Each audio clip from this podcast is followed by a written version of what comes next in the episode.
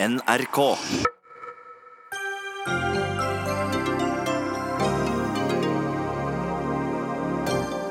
Regjeringas argumenter om at vi trenger oljenæringa av økonomiske årsaker, holder ikke mål, sier investor Jens Ulltveit-Moe. Han beskylder olje- og energiministeren for å stikke hodet i sanden, men får svar på tiltale. Vi kan ikke unngå at de med størst formue får mest skattelettelser, sa statsminister Erna Solberg denne uka. Det er fantasiløst og perspektivløst, freser Snorre Valen i SV. Stem med hjertet oppfordrer et nytt kjendisopprop som mener at valgkampen er blitt for snever. Manipulerende taktikk, svarer kulturredaktør, og ber folk bruke hjernen når de skal stemme. Og kan regjeringa egentlig skryte av at klimagassutslippene går ned?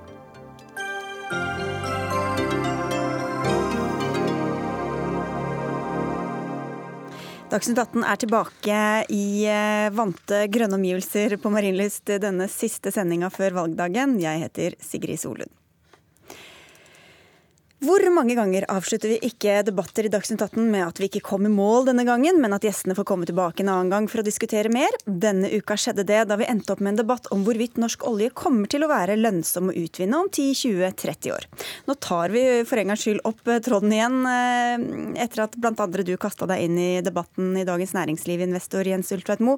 Du mener at olje- og energiminister Terje Søviknes driver med en strutsepolitikk, og at staten kan tape f.eks. på store investeringer i Barentshavet. Hva legger du da til grunn? Ja, det, det jeg legger til grunn til det, er at i 2050 tror jeg at uh, Parisavtalen og klima fører til at etterspørselen etter olje blir mye mindre enn i dag. I dag er det 100 millioner fat. I 2050 blir det et eller annet sted mellom 50 og 80 millioner fat. Akkurat hva det er, vet vi ikke. Det vi vet også, er at oljen er en commodity, og det er pris som bestemmer om du Hva betyr det? Det er en uh, massevare hvor prisen bestemmer. Og Det er ikke, ikke, noe forskjell på om oljen kommer fra Nigeria eller Norge. Det er hva det koster per fat som teller. Og det jeg er redd for, er jo at når det blir etterspurt mindre olje, faller prisen. Og den vil falle såpass lavt at olje fra Norge blir for dyr. Og da sitter vi og har bygget ut felt eh, som så vi må selge, og vi selger olje for mye mindre det som dekker kostnadene. Da har vi døde felt og har kastet bort mye penger. Mm. Om, om, og det er et rent økonomisk argument. For norsk oljeindustri har jo en veldig god klima, klimabakgrunn, utslipp og osv. i de tiårene vi har hatt. Men det er ikke det som teller. Det som teller, er hva det koster. Og hva vi kan selge oljen for i holdeprisen. Ja, så det er jo ulike meninger om, om, norsk olje i et klimaperspektiv også, men vi kan la det ligge i denne runden. og holde ja, oss til det er klimaperspektivet som gjør at etterspørselen synker. Ja. Eh, vi skal høre fra olje- og energiministeren, men vi skal først ta en liten oversikt over situasjonen. og Da går vi til deg, Simon Sjøtun. Du er prosjektleder og oljeanalytiker i eh, Rystad Energy. Eh, hva er situasjonen nå for lønnsomheten i Norge og i resten av verden når det gjelder oljeproduksjonen? Ja, det har jo vært store kostnadsforbedrelser på, altså i oljeindustrien globalt, men òg i Norge. I Norge så har kostnaden for nye feltutbygginger gått ned med 20-40% og sånn sett forbedra lønnsomheten ganske dramatisk for, for nye feltutbygginger i Norge. Den samme utviklingen har du også sett internasjonalt. Andre offshoreprosjekter andre steder i verden har også sett en kraftig kostnadsforbedring. Og for så vidt også på land i USA så har òg den industrien som utvinner olje fra de tette bergartene i, altså i skiferformasjoner, òg sett en veldig sterk kostnadsforbedring. Så Sånn sett har egentlig hele industrien gått gjennom en ganske sterk kur eh, som følge av oljeprisfallet og eh, fått til et nytt kostnadsbilde. Mm. Og Sånn sett kan verden nå produsere egentlig mer olje til en lavere pris enn det som er tilfellet før. Og så til dette med etterspørselen. Hvordan har anslagene for hvordan den kommer til å endre seg, blitt påvirket av strengere klimakrav og mer fornybar energi og andre energiformer? Ja, det er jo veldig mange ulike anslag som finnes blant sånne som oss og andre som prøver å analysere dette markedet. Og det er nok absolutt sånn at det har oppstått mer usikkerhet nå om fremtidig etterspørsel etter olje som følge av begrensninger på klimautslipp eller eh, substituering til andre energikilder. Eh, men det er uansett eh, veldig mye olje som etterspørs hver dag. Og det er òg veldig mye olje som erstatter dagens produksjon. Altså Alle verdens oljefelt mister naturlig eh, opp, mot 14 av produksjonen sin fra år til år. Og det må kontinuerlig eh, investeringer og nye tiltak til for å erstatte den produksjonen. Men, men, nøyaktig hvordan dette kommer til å se ut, det er høyst usikkert? Det er veldig, ja, det er usikkert. Så da er spørsmålet, olje- og energiminister Terje Søviknes, hvordan du kan være så sikker på at vi kommer til å tjene penger på store prosjekter, f.eks. i Barentshavet, i 2050?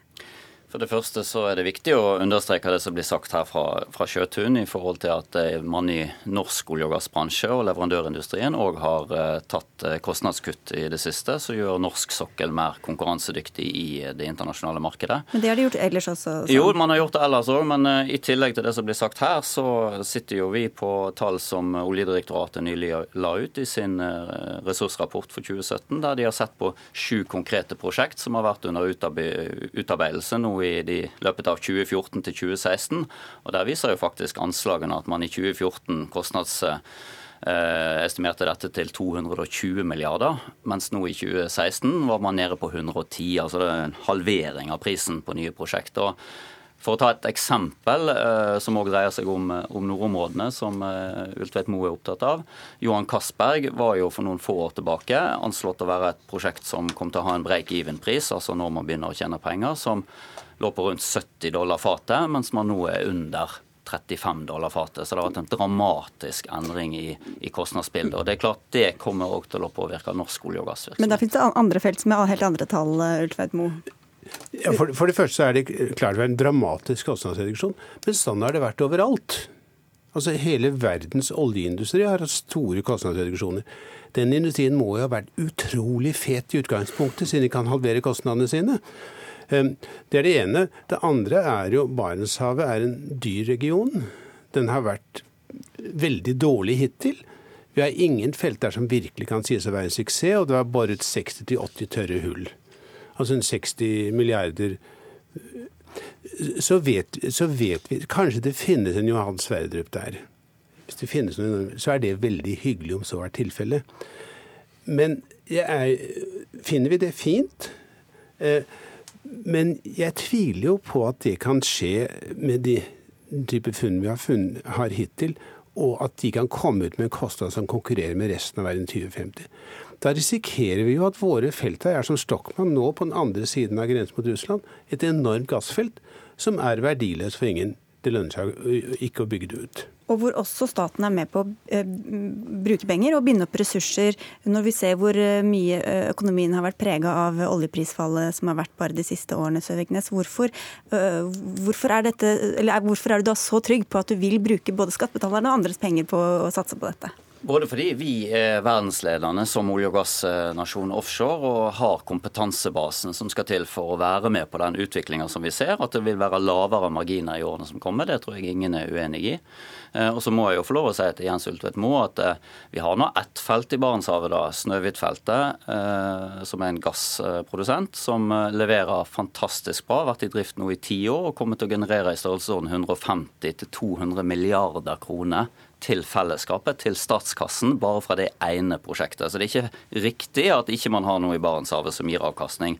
Og så er det jo òg sånn at eh, vi med vår produksjon, med lave CO2-utslipp det er jo eh, bare produksjonen når det brenner, så er jo olje men det er viktig i det internasjonale markedet. For hvis man da skal se veldig langt fram, så er man jo enige om at skal man håndtere klimautfordringen, så er CO2-prising ett virkemiddel. Og Hvis man da får en innstramming i kvotesystemet etter hvert som gjør at CO2 blir priser høyere, ja så vil de oljeregioner med lavest CO2-utslipp fra sin produksjon få et konkurransefortrinn i forhold til andre oljeregioner. Og Det er godt òg i et klimaperspektiv å produsere i Norge kontra å la andre oljeland eh, produserer eh, olje og gass som verden trenger, med, høyere, med et høyere CO2-utslipp enn nødvendig. Ja, og produksjonen står vel bare for en 3-4% av utslippene når det gjelder olje? Jo, men det blir et konkurranseelement ja, allikevel. Ja. Mm. Ja, Der er vi faktisk helt enige. Norsk produksjon er veldig bra. Hvis all oljen i verden i 50 millioner vann kom fra Norge, så er det bedre enn det kommer fra Nigeria, Russland og andre steder. Men verden er jo ikke så snill. Det er en massegode, og det er prisen som teller. Snøhvit er et eksempel på risikoen. Snøhvit var veldig god når gassprisen var høy. Så kommer nå amerikansk gass ut i markedet, og vi ser at den internasjonale gassprisen faller sterkt. Snøhvit i øyeblikket er ikke spesielt profitabelt. Det viser risikoen som er her. Og jeg synes Når vi snakker om risiko, så må det jo være bare å se seg rundt på Vestlandet nå. Det ligger masse skip i opplag. Det har vært store problemer fra oljekrisen. Og Det betyr jo i min bok at vi må være nøye med å diversifisere arbeid, eh, virksomheten på Vestlandet. Det er farlig å satse for mye på olje. Det har jeg følt selv. Sist gang det var en skikkelig ned til 98, hadde jeg 3000 ansatte. Oljekrisen prisen gikk i 10 dollar, og vi måtte permittere. Det var et helvete.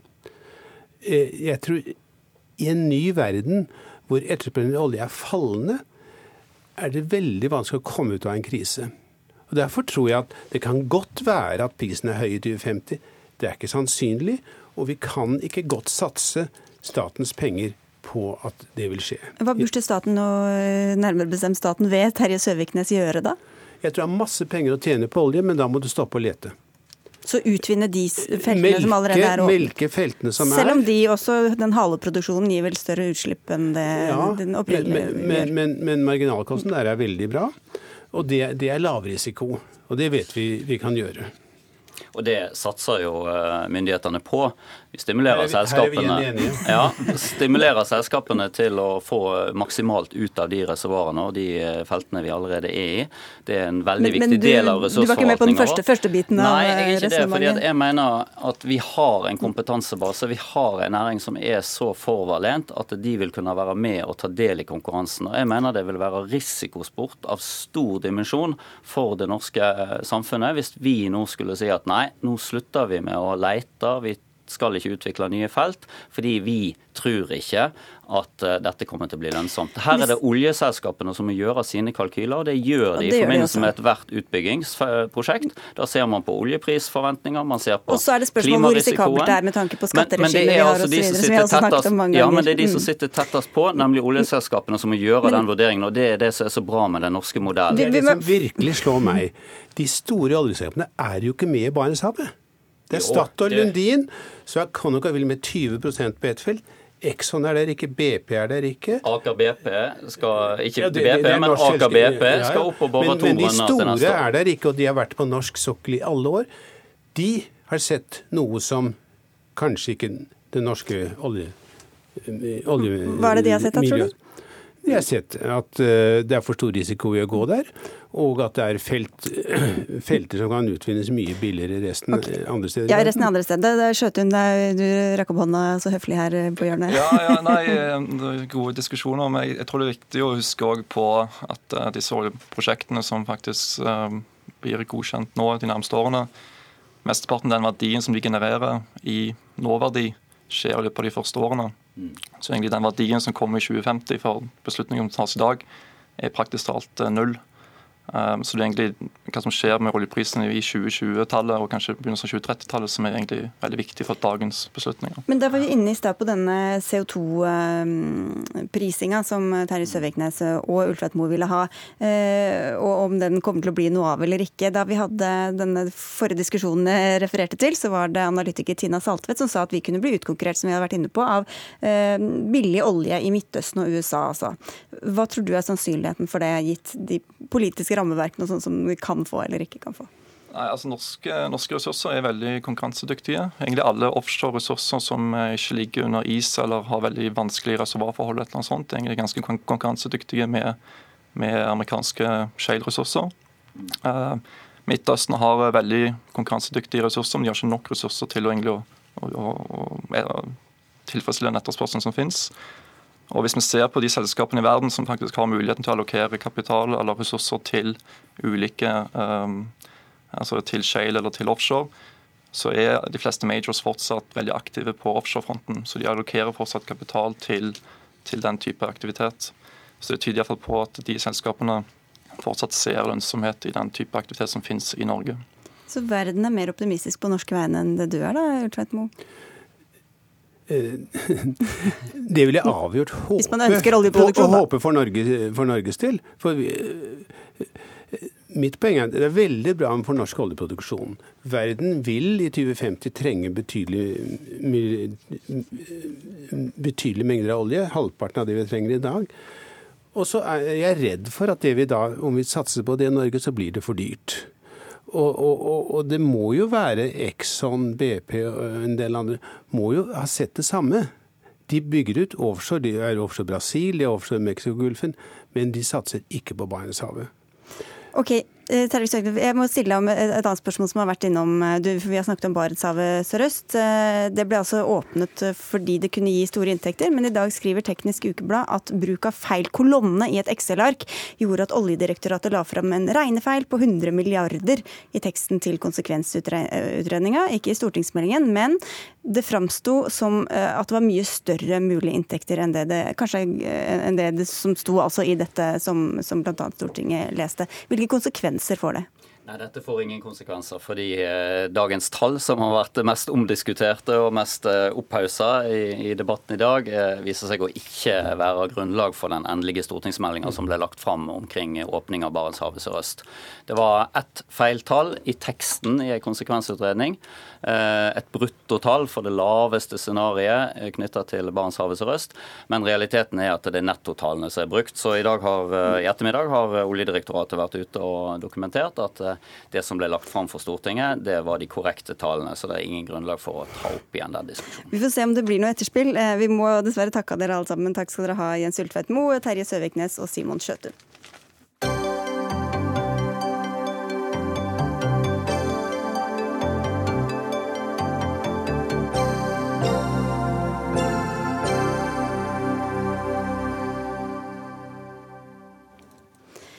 Lar det seg gjøre å kutte masse i skattene uten at det først og fremst kommer de rikeste til gode? Dagbladet fulgte statsminister Erna Solberg på Vestlandet og refererte uttalelser hun kom med om at hun ønsker å fortsette den nåværende borgerlige skattepolitikken, og at med den er det ikke til å unngå at de med høyest formue og inntekt får de største skattelettelsene i kroner og øre.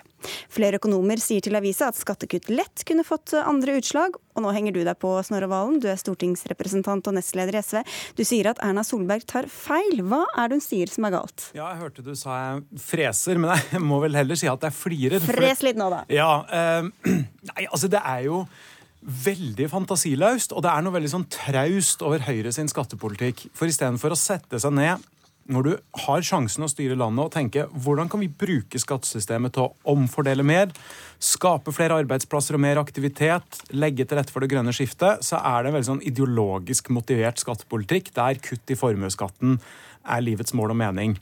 Og det er et valg Høyre sjøl tar. Det er ingen naturlov at de med aller mest skal komme best ut når du endrer på skattesystemet. Det er en prioritering Høyre gjør, som går på på bekostning av mye, selvfølgelig. Det går på bekostning av ja, de mange tusen som har mista bostøtta de siste åra, og de som har brannskader eller har måttet amputert, som har mista fysioterapi, masse andre velferdsordninger. Men det går også på bekostning av, av, skattesystemet. Altså Det er en forspilt sjanse til å bruke skattesystemet mer offensivt og mer omfordelende og mer politisk. Mm. Eh, så jeg håper jo at, eh, at Høyre setter seg ned og tenker seg om en gang til før de fortsetter å, presse på for å gjennomføre skattekutt som ikke har noe særlig annen merkbar effekt enn å gjøre noen veldig få mennesker som allerede er rik, enda rikere. Ikke til å unngå, eller en villet politikk, eh, Heidi Nordby Lunde fra Høyre? Det er jo selvfølgelig mulig å innrette skatteletter slik at det kun treffer eh, lavtlønte. Det har eh, SV og økonomene selvfølgelig rett i. Men da mister vi jo den muligheten til å gi skatteinsentiver til, eh, for å investere i verdiskaping og nye arbeidsplasser. Det er jo på formuesskatten? Nei, ikke nødvendigvis. Vi har jo også inngått et skatteforlik de siste fire årene i, i Stortinget, der SV for så vidt står, står, utenfor, hvor vi også reduserer både inntektsskatten og på selskapsskatten. Fordi man mener at det er riktig for å tiltrekke investeringer i, i Norge og gjøre oss konkurransedyktige. Og Vekstfremmende skattelettelser var jo også en del av handlingsregelen som Jens Stoltenberg I-regjeringen eh, står bak, og som SV også ga til da de satt i regjering. Men hva mener Erna Solberg når hun sier at sånn må det bare bli, da? Det er jo slik at de som, eh, når vi, når vi har gitt skatteletter på den måten vi har gitt, både til lavinntekt og også i, i formuesskatten f.eks., for så er det jo de som betaler mest skatt fra før, som også vil få eh, mye igjen. Eh, det er ikke til å unngå når man legger skatteletten på det der hvor vi har gjort. Men vi må huske på det at vi også i løpet av disse fire årene har vist at det ikke er noen motsetning mellom skattelette og, og velferd. Samtidig som vi har gitt skattelette, så har vi også redusert helsekøene. Og lavinntektsfamiliene har fått billigere barnehage, Ja, okay. og mennesker i rus har fått, eh, fått eh, raskere behandling. Jo, men det er jo nettopp det. At det er ikke noen motsetning mellom skattelette og, og velferd, og det er viktig å understreke. Ja, men da er det jo sånn det er Snorre Valen at det er vanskelig å gi 300 000 i skattelette til en som tjener 400 000. Ja, selvfølgelig er det det. Men det er jo verdt å merke seg at hvis du sorterer den norske befolkninga etter inntekt, så er det jo ikke sånn at, bare sånn at de med høyest lønn har fått mest kroner i skattekutt. For det hadde jo for så vidt vært forståelig hvis du senka prosenten. Men de har også fått størst skattekutt i prosent. Har ikke også de mest lavtlønte fått øh, mest i prosent, sammen med de mest Men høytlønte? Nei, det stemmer ikke. Det, nei, nå sitter jeg med Finansdepartementets tall foran seg. De med aller minst inntekt, minst inntekt de har fått 1,2 av bruttoinntekta si i skattekutt. Og 1,4 til de mest høytlønnede. Mens den, Ja. nei, mens den promillen som tjener mest i Norge, har fått 1,8 prosent. Vanlige folk med en vanlig inntekt har fått 0,9 Så det her fordeler seg veldig skeivt. Og så er det jo ikke sånn at det nødvendigvis skaper flere investeringer heller. Da må du være mye mer målretta. To av de fem milliardene Høyre har brukt på å kutte i formuesskatten, har gått til velstående pensjonister. Og det er veldig hyggelig for de pensjonistene, men jeg tror ikke det første de gjør når de får noen tusen i skattekutt, er å gå og investere i en bedrift. Den samme regjeringa som hele tida snakker om investeringer og kutter i formuesskatten, de har gitt en ekstraregning til de bedriftene som faktisk investerer i nye maskiner og utstyr, og kutta startavskrivninger med 1,8 milliarder kroner. Så de pengene som faktisk går til nye investeringer, de skattlegges hardere med Høyre, mens passive sparepenger de skattlegges mindre. og Det er en veldig lite klok måte å innrette skattepolitikken på. Det hadde vært mulig å stimulere til langt flere nye arbeidsplasser om man hadde brukt hodet litt mer og ikke latt ideologien styre. Jeg er jo veldig glad for at vi faktisk har eh, redusert noe på avkortning til samboende pensjonister. Det har jeg faktisk ingenting imot. Men SV baserer noe av sin informasjon her på et spørsmål som Arbeiderpartiet har stilt til, eh, til Finansdepartementet. Og Jeg sitter også med de tallene hvor de blander litt hummer og kanari. Og Der viser det seg nettopp det at de med lavest inntekt har fått 1,2 i, i skattelette, og så fordeler dette her seg ganske jevnt over Bortsett fra de rikeste, 1,8? 1,2 Nei, 1,2 for hver av ytterpunktene. Altså både de over 1 million i inntekt, og også de med under 150 000 i inntekt. Men det stemmer ikke. Lunde. Jo, jeg nei, har det sjekket dette her en gang til med Finansdepartementet, og jo, det Ærlig har jeg. talt, ja, men- Jo, men da, da skal jeg Nei, forklare det. Arbeiderpartiet spør- Jeg kan forklare. Ja, men ok, men Om det er 1,8 eller eller 1,2, hvorfor skal de som er eh, av de aller aller rikeste få like mye som de som tjener aller aller minst, i prosentvis skattelettelse? Altså, nå, nå snakker vi prosentvis, Ja, eh, prosentvis. skattelettelser. eh, Og det, men det er, jo en fordel, altså det er jo en fordeling over de skattegruppene som eh, man har. Og igjen, her blander man litt hummer og kanari. fordi ska, Arbeiderpartiet sorterte skattyterne etter formue, ikke etter inntekt. Og Høyre er jo veldig for det at alle som har, sitter i, i skatteposisjon, skal skatte. Så det er ikke Det handler ikke om det. Og hvis vi ønsker at, at folk skal investere i egne penger i sin egen bedrift, så må vi huske på f.eks. i formuesskatten at den rammer 300 000 nordmenn brukt sine egne penger på å investere i bedrift, må betale formuesskatt enten den bedriften går med overskudd eller ikke. Og de siste fire årene så er det mange bedrifter som ikke har gått med overskudd, og allikevel måtte betale denne skatten. Men, men mener du at alle de skattelettelsene dere har gitt til de som tjener mest og har mest formue, er, eh, genererer eh, arbeidsplasser og inntekter i samfunnet? Eh, Ikke nødvendigvis, for at du kan ikke se på skatteletter og si at det én til én krone blir, eh, blir brukt til nye arbeidsplasser. Men ja, at lettelser i formuesskatten har vært med på å redde arbeidsplasser de siste fire årene, er jeg ikke et øyeblikk i tvil om. Fordi dette er en skatt som forfaller uansett om bedriften går med overskudd eller ikke. Og mange bedrifter har er slitt. Og det er derfor vi mener at denne rammer eh, hardt og urettferdig og skaper utrygghet for norskeide hvor, arbeidsplasser. hvorfor skal du da sammenligne og sette kutt, altså skattekuttet til lavtlønte opp mot skattekutt til næringslivet, Snorre Valen? Ja, Det er jo ikke det jeg gjør nå. Nå sitter jeg med Finansdepartementet sine tall foran meg. Jeg syns det er ganske synd at vi må bruke nok en debatt på å krangle om hvilke tall som stemmer. Altså, Nå sitter jeg med brev fra Siv Jensen foran meg, og den viser at den promillen i Norge med høyest inntekt, de som tjener mer enn 4,6 millioner, har fått høyest prosentandel i skattekutt. Det er 1,8% Det er regjeringas egne tall, så håper jeg vi kan være ferdig med det. Og når du sammenligner det norske skattesystemet med med skattesystemet i andre rike vestlige land, så er ikke det norske skattesystemet særlig omfordelende. Tvert imot. Vi har ikke en særlig høy toppskatt, vi har avskaffa arveavgiften. Vi har ikke særlig mye omfordeling i vårt skattesystem sammenlignet med mange andre. Eh, Og Derfor så foreslår jo SV mye mer betydelige skattekutt til de lave og vanlige inntektene, og heller øke skatten på toppen. Det er dobbelt bra for økonomien. For det første fordi mer av pengene kommer i bruk. Det skaper mer etterspørsel og har nok en mye bedre effekt på økonomien enn det der formuesskattekuttene til regjeringa. Men så gjør det det også mulig å gjennomføre et grønt skifte der alle kan være med å betale mer for utslipp uten at det rammer usosialt. Okay, og De perspektivene her må vi ha med oss framover, istedenfor å fortsette å øse ut alt de aller rikeste ber om, sånn som Høyre har gjort. Du får få en kort kommentar til slutt. Men, men, eh, skattesystemet er jo bare en liten del av den fordelingen vi gjør. og Jeg syns det er synd at vi alltid skal ha den debatten hvor det handler om å gjøre de rike litt fattigere, istedenfor å gjøre de fattige litt rikere. Men det, det henger sammen, igjen, Og det gjør vi gjennom kunnskap i skolen, kvalitet i helsetilbudet og mulighet for arbeid og inkludering, og det har denne regjeringen levert på. Men siden dette her antageligvis er min siste skattedebatt med Snorre Valen som stortingsrepresentant, så har jeg bare lyst til å si tusen takk for fire år. Du har vært en glede å kjenne deg. Du er SVs fineste fyr. Takk for følget, Heidi. For en rørende avslutning på debatten. Takk skal du ha, Snorre Valen. Eh, Heidi Nordby Lunde skal bli sittende her.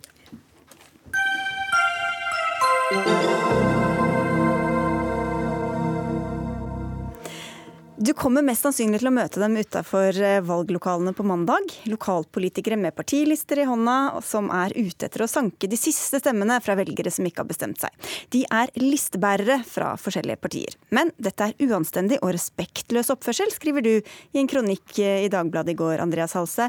Du er spaltist, og mange husker deg som eh, leder av Sosialistisk Ungdom i sin tid. Hva er galt med å dele ut disse listene på valgdagen?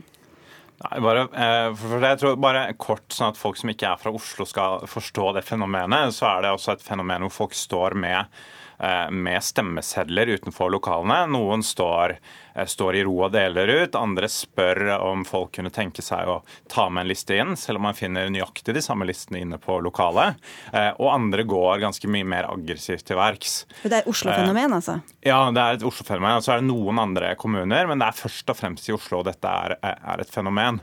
Og så er det noe som veldig mange opplever plagsomt. Jeg er selv en av de som tenker at Eh, kanskje man kan la oss som skal gå og stemme, være i fred de akkurat de to siste minuttene, etter to, tre, fire måneder med veldig intens valgkamp, så hadde det vært greit å få være i fred med sine egne tanker. Uh, og Det her ser vi også på forhåndsstemmelokalene. Jeg var og eh, stemte selv på Grønland i går. og Da er det altså 10-15 meter unna så står valgbodene tett i tett. Det er umulig å gå og stemme uten Eh, å gå forbi og bli konfrontert opp til flere partiaktivister. Og Da så jeg så folk i køen som sto med stemmesedler fra de ulike partiene, eh, og folk som sto med også valgmateriell. Og jeg tror i verste fase noen kan bli eh, skremt bort fra å stemme når man må gå gjennom denne jungelen med aktivister. Så det jeg skulle ønske meg, var liksom en sånn en gentleman's agreement da, med liksom at OK, vi lar velgerne være litt i fred, helt på slutten. Du skal være listebærer på mandag. Gleder du deg etter det her, eller? Ja, det er, dette her er jo egentlig en lang tradisjon fra den gang Høyre het Høyre med I, finner jeg på når jeg søker om listebæring på, på eh, nettet. Og det var jo da også tradisjon over hele landet, og så har det blitt værende særlig i, i Oslo.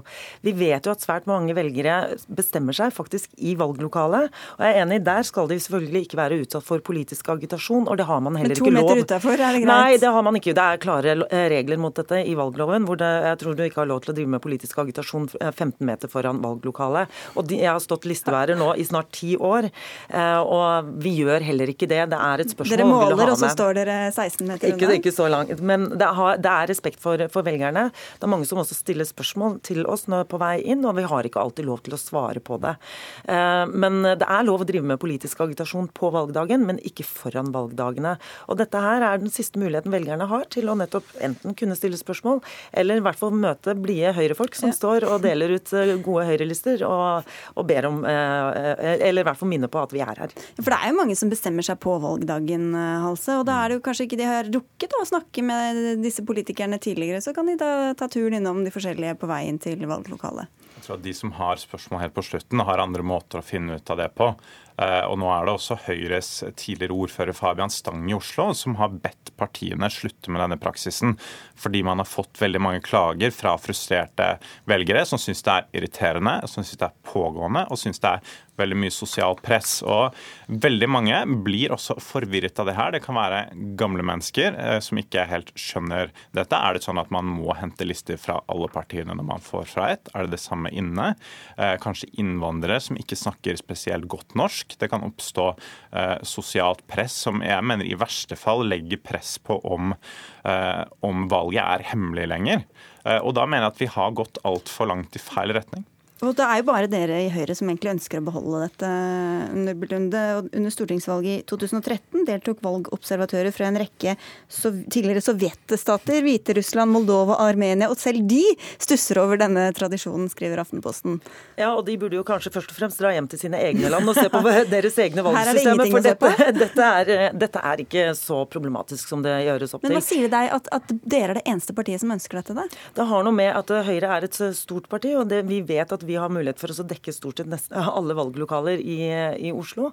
og Derfor har lyst til å yte den servicen til, til, velgerne. Og jeg tror nok at de som først og fremst irriterer seg, eller opplever dette her som, som problematisk, er de som ikke stemmer på de partiene de ser representert. De fleste andre som kommer dit, eh, som hilser og sier hei og går forbi, eh, finner jeg ikke at de opplever det problematisk. Og som sagt, jeg har stått på dette med veldig mange valgkamper nå. Det pleier å være en utrolig hyggelig og gemyttlig tone partiene mellom. Eh, og vi, vi, hvis det er sosial kontroll, så er det vi som kontrollerer hverandre på at vi ikke oppfører oss aggressivt. Og så når de kommer inn i stemmelokalene, så er det betjenter der som hjelper velgerne til å finne fram og hvordan man skal stemme. Men, men kan du se for deg at det kan oppleves litt plagsomt når du kommer, så, for du må jo forholde deg til dem og si enten du, så svare et eller annet 'nei, stemmer ikke på dere', eller 'nei, jeg vil ikke ha', eller Nei da, det er fullt mulig å gå bare rett forbi, og det gjør faktisk svært mange også. De som det kan føles litt uhøflig, kan det ikke det? det skal de ikke bry, eh, bry seg om. Eh, eh, de, de, som har bestemt seg, går jo bare rett inn i valglokalet. Noen tar med seg en, en stemmeseddel for å markere sine, sitt eh, valg, og noen får kanskje en påminnelse om hvilke partier som faktisk eh, står på valg, rett før de kommer inn. Ja, altså, det, Heidi Nordbylund, det er jo sikkert veldig lett å ha med å gjøre, men det er jo veldig mange som går mye lenger i å yte press. Jeg mener det er synd i en tid der demokratiske institusjoner er under press. Så burde vi ha respekt for akkurat dette ritualet på valgdagen. Vi får la det være en oppfordring da, til alle listebærerne i hvert fall. Takk skal dere ha begge to, Andreas Halse og Heidi Nordby Lunde fra Høyre.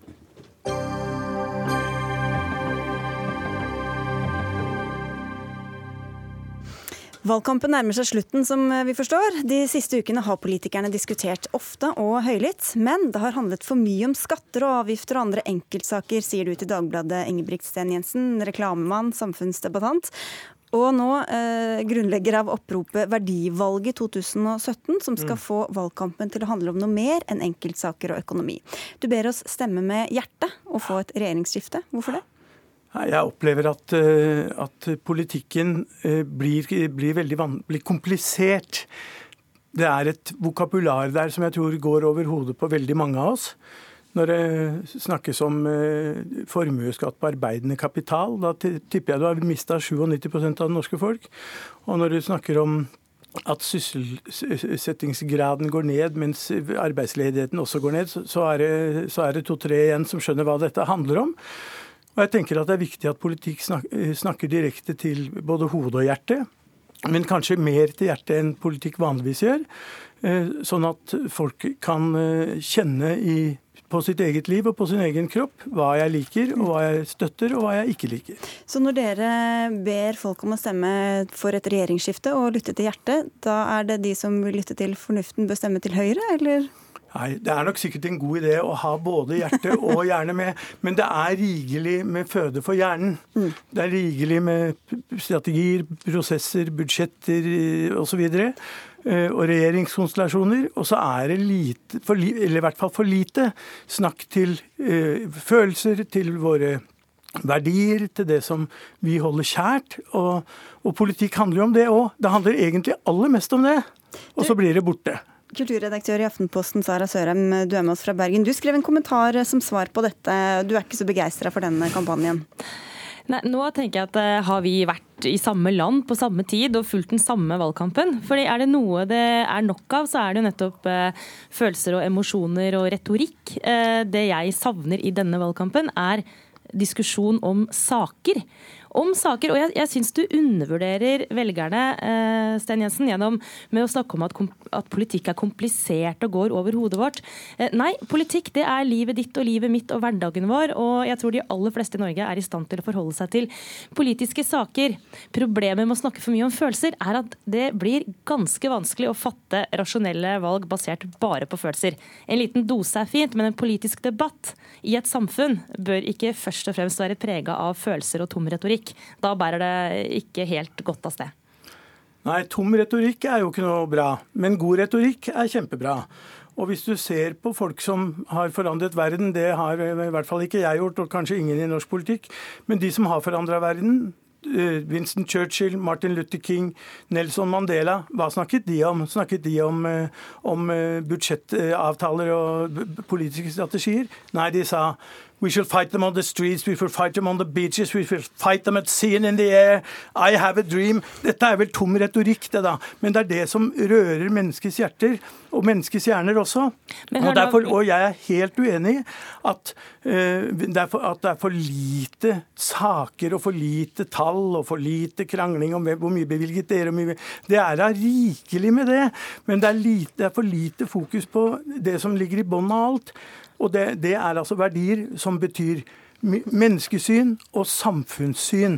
Det er interessant å diskutere. Ja, nei, fordi Det jeg også merker meg i det oppropet som du har eh, forfattet, og, og det kampanjen, er jo at eh, dere vil snakke om følelser, og dere snakker om å stemme med hjertet, men dere tar jo også det til inntekt for én side i politikken. Eh, for én ting er at jeg savner politiske saker fremfor føleri i valgkampen.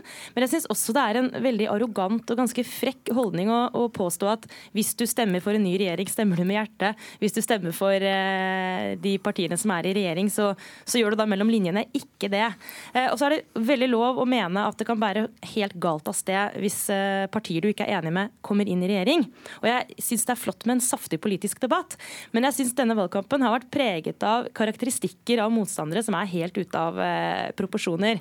Eh, og det er sånn at De fleste politikere i Norge er faktisk alle bevisløse har et hjerte. Så kan vi kanskje bare komme litt videre fra den retorikken, for den skaper ikke en god politisk debatt. Og det gir i hvert fall ikke noe godt grunnlag for å ta et valg på mandag. For å ta tak i det du sier der, eh, Ingebrigtsen Jensen. Frp som kjemper for bedre eldreomsorg, KrF som kjemper mot det de kaller sorteringssamfunnet, de vil jo si at dette er saker som ligger deres hjerte nært. Ja, ja. Og jeg mener jo ikke at disse, disse partiene ikke er verdidrevet. De er drevet av noen andre verdier. Men de og, mener at det handler om varme, og det handler om menneskeverd. Ja, og det eh, har de jo, er jo sin fulle rett til å mene. Og, det, og akkurat de eksemplene du valgte nå, er jo sånn òg.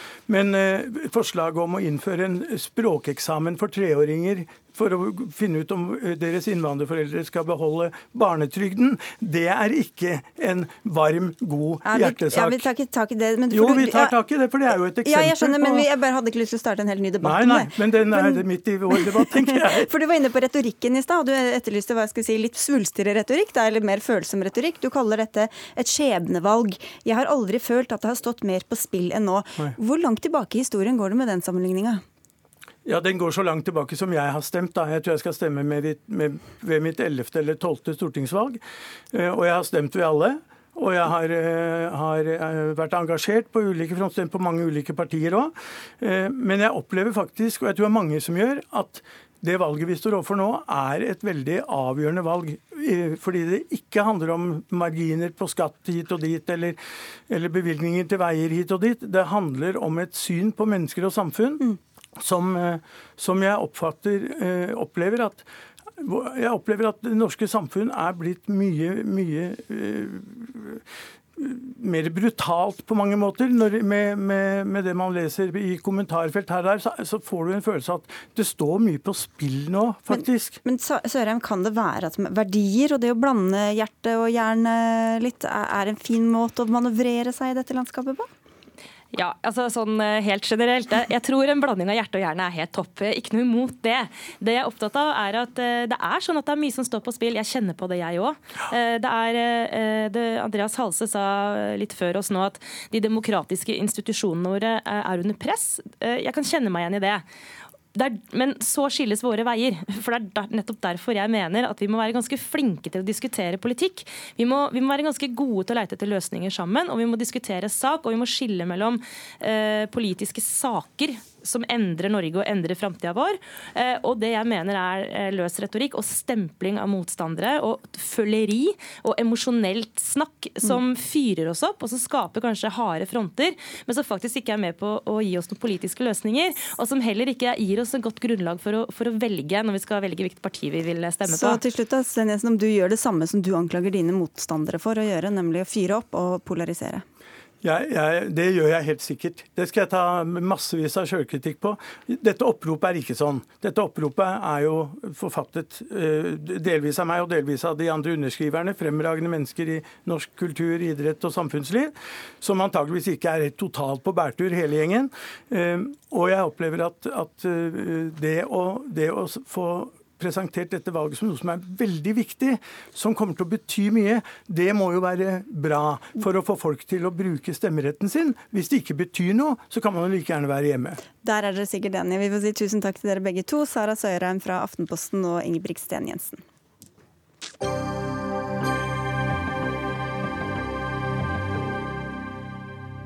Du står og venter på toget mandag morgen, og ti minutter etter at det skulle vært der, står det signalfeil på ruteskjermene. Hvem er det som skal holdes ansvarlig? Er det NSB, er det Bane Nor, Norske Tog AS, Jernbanedirektoratet, eller var det Jernbaneverket, eller kanskje Samferdselsdepartementet? Etter nyttår trådte regjeringas jernbanereform i kraft. Da fikk jernbanesektoren en skikkelig omstrukturering. Og nå sier dere til Nasjonen at dere vil skrote reformen og samle alt i ett selskap. Marit Arnstad, du er parlamentarisk leder for Senterpartiet. Hvorfor vil dere gå tilbake på dette? Jo, det vil vi gjøre fordi vi tror ikke at dette vil være den beste løsninga for norsk jernbane i årene framover. Eh, konkurranseutsetting i seg sjøl kommer ikke til å løse noen av de store utfordringene på norsk jernbane. Eh, og vi mener at det er bedre at du samordner og samle kreftene i norsk jernbane, enn at du splitter dem opp og ribber NSB, sånn som du har gjort med jernbanereformen. Men den er jo allerede der. Hva er det som har fungert så dårlig de siste ni månedene som gjør at dere må gå tilbake på det? Nei, altså Vi ønsker oss en annen modell. Vi mener at det er en bedre modell, det er en tryggere modell for dem som jobber på jernbanen. Det er en modell der du ikke trenger å bygge opp mange nye administrasjoner og ansette mange nye direktører og gi millionlønn til de samme direktørene. Eh, og det er en modell der du kan håndtere de store utfordringene på norsk jernbane like bra som du kan gjøre en oppsplitta modell, faktisk mye bedre. Fordi der jeg bor, på Trønderbanen, som da skal konkurranseutsettes, så er det ikke på en måte nye eh, drivere vi er på en måte på jakt etter. Det vi er på jakt, altså Den banen er presis, og den har fornøyde kunder. Det som vi er på jakt etter, det er elektrifisering av banen. Det er eh, halvtimes ruter, og så er det også at eh, du har nye togsett. Det er det viktige hos oss, ikke, ja. ikke de andre tingene. Ketil Solvik-Olsen, samferdselsminister. Hva er det som fungerer bedre nå, mener du, pga. denne oppsplittinga, enn det gjorde tidligere? Vi ser jo at Senterpartiet tilnærmer dette med en svartmaling som ikke reflekterer det som skjer på jernbanen. For det første, det er flere reisende enn noen gang. Det er flere avganger enn noen gang. Nå vedlikeholder vi jernbanen sånn at etterslepet, vedlikeholdsetterslepet blir lavere hvert år, mens det økte alle åtte årene Er det pga. den nye struktureringa? Det er ikke fordi at det er bare strukturering, men det handler om at vi faktisk bruker nok penger til at vi bygger og vedlikeholder infrastruktur. Det kunne man jo gjort uansett? Det kunne man gjort uansett, men vi ser altså at forrige regjering og regjeringa før det ikke gjorde det, selv om de var kjent med problemene.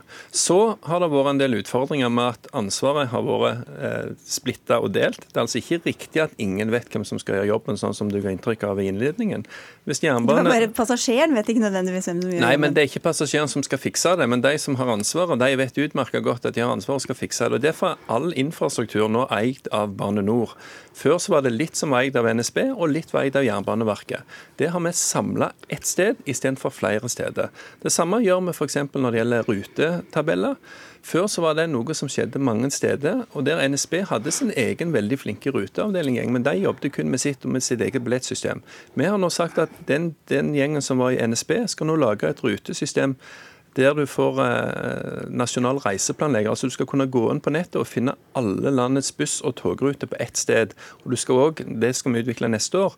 Bli, neste år skal vi utvikle et felles billettsystem for alt. Og Det betyr altså at det som har vært splittet opp mellom mange aktører, ikke bare på tog, men innenfor kollektiv òg, det samler vi. Så det er ikke riktig når han sier at en splitter opp alt mulig. Alle de enhetene som fantes før, de finnes nå.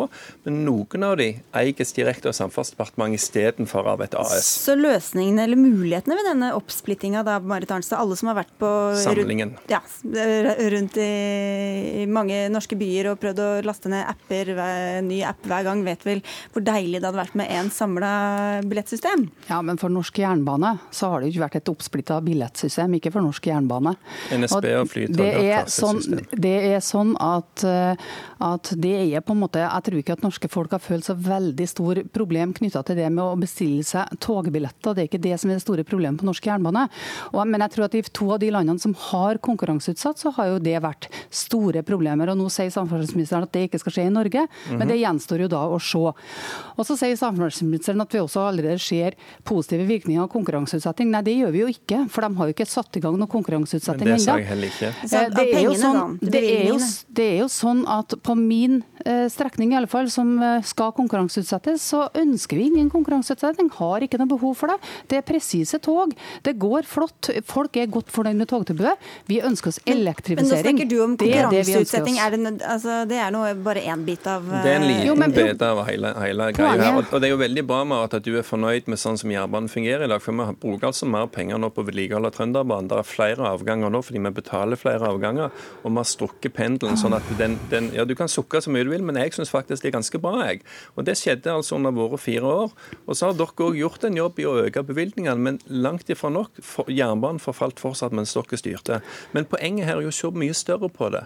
Det er riktig at ja, på NSB så har du kunnet kjøpe billetter uten problemer. Så må du ha et annet system på Flytoget. Nå kan vi få til ett felles system. Men det fine er jo at du òg kan eh, på samme system nå kjøpe bussbilletten etterpå. For mange tar gjerne tog et stykke, og så buss resten. Istedenfor kan du ikke ha et billettsystem uten å splitte opp resten av selskapet, da? Ja, Det er fullt mulig å ha et sånt billettsystem uten å drive og splitte opp men, NSB. Men, men Marit, det, prøvde dere, det prøvde dere på i åtte år, og dere kom ingen vei. fordi at NSB lagde kun system for NSB. Ved å lage et billettsystem, et billettselskap som Samferdselsdepartementet eier, som ikke bare skal serve ett togselskap, men hele kollektivsektoren, så har vi klart på to år å løse det som man har brukt 15 år på før oss, uten å få til. Det er ikke nødvendig verken å få inn kinesere på norsk jernbane. Det skal vi ikke. Kan jeg snakke ferdig nå, kanskje? Ja, jeg skal eh, bare korrigere når du sier feil. Vent til slutt, da. Det er ikke nødvendig verken å få inn kinesere på norsk jernbane, svensker på norsk jernbane, å ribbe NSB for eiendommer eller å ribbe NSB for togmateriell, sette pensjonene til de ansatte i fare for å få til et felles billettsystem. Det kan du selvsagt få til uten å gjøre den konkurranseutsettinga som en nå legger opp til.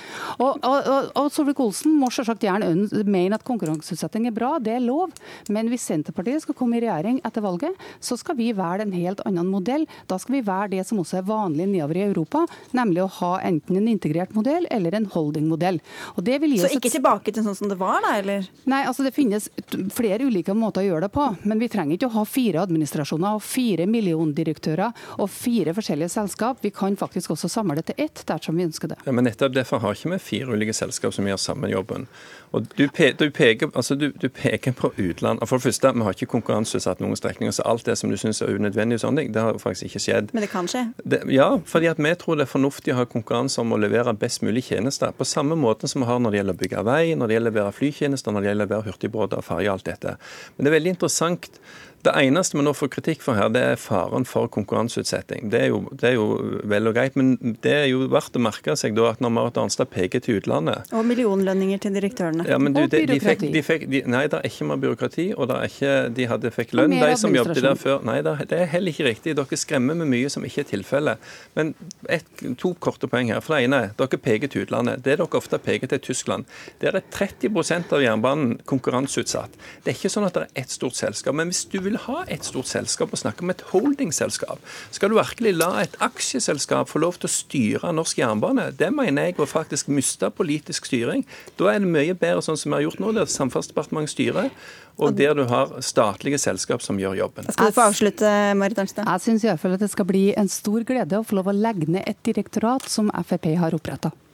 Vi får se om det blir tilfellet. Takk skal dere ha, i hvert fall Ketil Solvik-Olsen fra Fremskrittspartiet og Marit Arnstad fra Senterpartiet.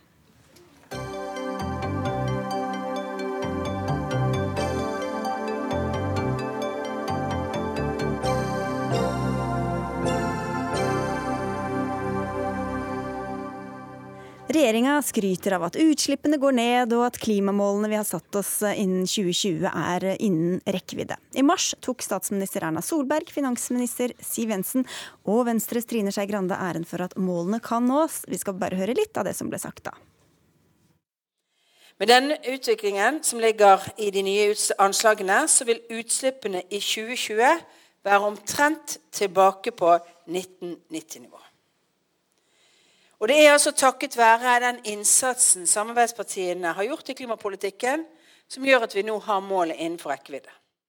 Men kan de ta æren, og går utslippene egentlig ned? En gjennomgang som NRK-programmet Detektor har gjort, viser at det er ganske tvilsomt, og at utslippene i dag er omtrent de samme som i 1990. Likevel snakker vi om utslippskutt, talsperson for Miljøpartiet De Grønne Una Aina Bastholm. I 1990 slapp vi ut 51,7 millioner tonn CO2. I 2020 skal vi kunne slippe ut 51,8 millioner tonn. Det er litt komplisert materie, så la oss bare først finne ut hvordan henger dette egentlig sammen? Ja, det, det er komplisert. Eh, det enkleste er eh, å si at i 2012 så vedtok Stortinget gjennom et klimaforlik at vi skulle kutte utslipp innen 2020. Eh, og da har man ikke regna utslippskutt i faktiske utslipp, men utslippskutt sammenligna med det man estimerte at man ellers ville ha sluppet ut de neste årene om man ikke Eh, hadde gjort noen politiske tiltak for å endre på det. Det man kaller en referansebane, som ja. egentlig bare er et, et, et regnestykke? En prognose på, den, på ja. det tidspunktet for hvordan det ellers ville ha utvikla seg om man ikke hadde gjort noe. Men i virkeligheten så har da eh, klimakutt på norsk bare betydd å fortsette som før? Ja, Eller, det gjør det. Når det gjelder antall. Og enda viktigere, ikke sant? Det kan jo, hvis man er litt uvant til klimadebatten nå, så høres jo klimakutt ut som at man faktisk kutter CO2 ut fra atmosfæren også, at man bedrer på klimaproblemet. Og Det er jo enda viktigere å huske. at Det ligger litt fram i tid. Ja, sant? til og med klimakutt, av faktiske kutt i utslippene våre, vil jo bare innebære at vi pøser ut litt mindre CO2 i en atmosfære som allerede har for mye. Mm. Politisk rådgiver i Klima- og miljødepartementet, Jens Frølich Holte fra Høyre. Hvorfor snakker dere om at vi kutter, når vi egentlig de facto ikke gjør det? Utslippene i eh, år, eller i 2016, eh, de har gått ned. Eh, vi ser jo at trenden er svakt eh, nedadgående. Og De tre foregående år var det, var det ikke kutt? Siden, I 2013 så var utslippene 53,5, og i 2016 er det 53,4. og I mellomtiden har det gått litt opp og ned, men trenden er nedadgående. og Fremskrivningene som vi ser, når vi ser fremover, så er det veldig veldig positive tall. Da vi tok over uh, regjeringsmakten i 2013, så var gapet til målene 8 millioner tonn. Nå viser beregningen at de er 3 millioner tonn, så uh, vi er på veldig riktig vei. Og så er det jo litt, litt oppgitt av MDG sin svartmaling av, eh, av, hva Norge har gjort med klimagassutslippene. Tall som vi har utarbeidet viser jo at utslippene fra Fastlands-Norge nå er de laveste siden vi begynte å måle ordentlig i 1990. Så det skjer veldig veldig mye bra i norske bedrifter og i norske husholdninger. Og dette er jo snakk om et klimaforlik som gjør at de regner på den måten, så det er jo ikke deres eh, ansvar Nei, eller feil, for å si det sånn. Men... I, i, 20, I 2014 så spesifiserte vi faktisk antall tonn. og det ja tror jeg kanskje også MDG er litt fornøyd med. For før var det litt mer, eh, litt mer flytende hva som var målet, og så gjorde vi det ganske klart. Men, men, men, for alle som er opptatt av dette, at vi skal faktisk slippe ut mye mindre. Vi er på vei eh, inn i global oppvarming pga. alt som allerede er på vei ut i atmosfæren, og som kommer til å fortsette å varme opp ute, selv om vi hadde kuttet utslipp i dag. Eh, hvorfor, eller Hva hjelper det da å kutte mot en referansebane, når det vi trenger er å kutte virkelig i de faktiske utslippene? Nei, Det er helt riktig at det som gjelder er å kutte i utslipp. og Det er jo derfor at uh, regjeringen og samarbeidspartiene har forsterket klimapolitikken såpass mye uh, i de uh, siste fire årene. Vi har fått til veldig mye, og det viser jo, gir seg utslag i referansebanen. At elbil, elbiler er blitt mer gunstige. Vi har regulert utslipp av veldig sterke klimagasser som HFK mer. Avgiftene er nesten doblet de siste årene. Det kommer et forbud mot oljefyr inn nå. Så vi har Eh, veldig mye bra klimapolitikk som de fire partiene er blitt enige om. Og Dette er også noe NRK Detektor har gått gjennom. og Ingen av disse tiltakene som du nevner nå er noe regjeringa alene kan ta ansvar for. Det meste av det er enten da del av dette eh, nevnte klimaforliket, mm. Eh, krav fra Stortinget, som ikke Frp var med, forresten, eller så er det EU-direktiver. Ja, Vi er ikke enige, faktisk, men vi kan ta det siden. Oh, ja. nei, for det, nei, nei, dette HFK-direktivet, f.eks. Eh, sånn, du kan alltid velge om du har lyst til å ta inn et EU-direktiv eller ikke. Regjeringen har gjort det, og vi er i tillegg nesten doblet avgiften i vår regjeringsperiode. Ikke tatt inn nei, det, nei, nemlig, og det er et, kjempe, et utrolig bra klimatiltak. Så det ville vært helt... Eh, Elbilfordelene de skulle vært kuttet ut når de nådde 50 000 biler. Det skjedde i 2015. Eh, en annen regjering kunne kanskje fjernet elbilfordelene. Ap og Senterpartiet har vært skeptiske til elbilfordelene. Vi, eh, Venstre, KrF, Høyre, Frp, forsterket eh, fordelene for elbiler og endret drivstoffavgiftene. Så det er grunn til å gi dem ære da, Basson? Nei, jeg synes jo det, det, er et veldig dårlig utgangspunkt regjeringa har hatt. I så fall at liksom utgangspunktet er at vi ikke skulle gjort noen ting eh, for å kutte utslipp. Og så er de stolt av å ha kutta i løpet av fire år 100 000 tonn, som er helt marginalt. Altså det er sånn at eh, de som sitter og jobber med det her, eh, nesten ler av det. Ikke sant? Det er ikke klimapolitikk. Eh, og nå ser vi jo også at sannsynligvis kan det? Eh, nå tenker jeg Forskerne som mm. sitter og ser på hva det er som faktisk trengs å gjøres, så er 100 000 tonn eh, ingenting. Eh, det er noe som kunne vært en variasjon, bare helt uavhengig av politikken også. Sånn at vi, Det vi trenger, er jo å få på plass eh, en regjering nå etter valget på mandag som faktisk ønsker å prioritere klimapolitikk. Og Det betyr jo at man uh, må legge til rette sånn at næringslivet kutter, sånn at det blir enda bedre f.eks. utbygging av elladenett. Regjeringa vil jo ikke sjøl ta initiativ til å bygge ut et landsdekkende elladenett for elbiler, som man kunne ha gjort. Uh, og Vi må sørge for selvfølgelig å få, få på plass karbonfangst- og lagringsprosjektene også, som regjeringa her har utsatt. Egentlig skulle det være ferdig i 2020. Eh, nå blir det 2022. Eh, så det er altså rett og slett fordi regjeringa her prioriterer ikke klima, man prioriterer bredere motorveier, skattekutt og andre ting som den regjeringa her har som prestisjeprosjekt. Jeg syns det er litt, eh, litt dumt at MDG eh, lukker døren for, for det man kan si, denne regjeringen og klimapolitikken vi har, åpner døren for klimapolitikken til Ap. For dere er så begeistret for MDG-samarbeid?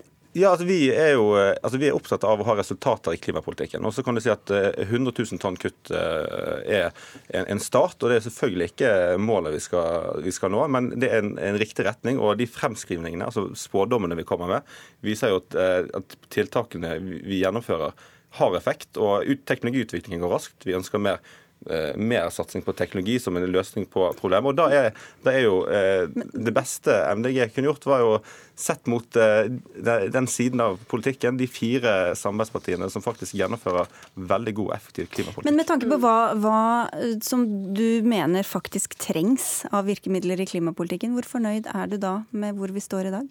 Regjeringen la frem en klimamelding i juni um, som en oppfølging av um, Men er du fornøyd med de virkemidlene kontra den virkeligheten som du ser?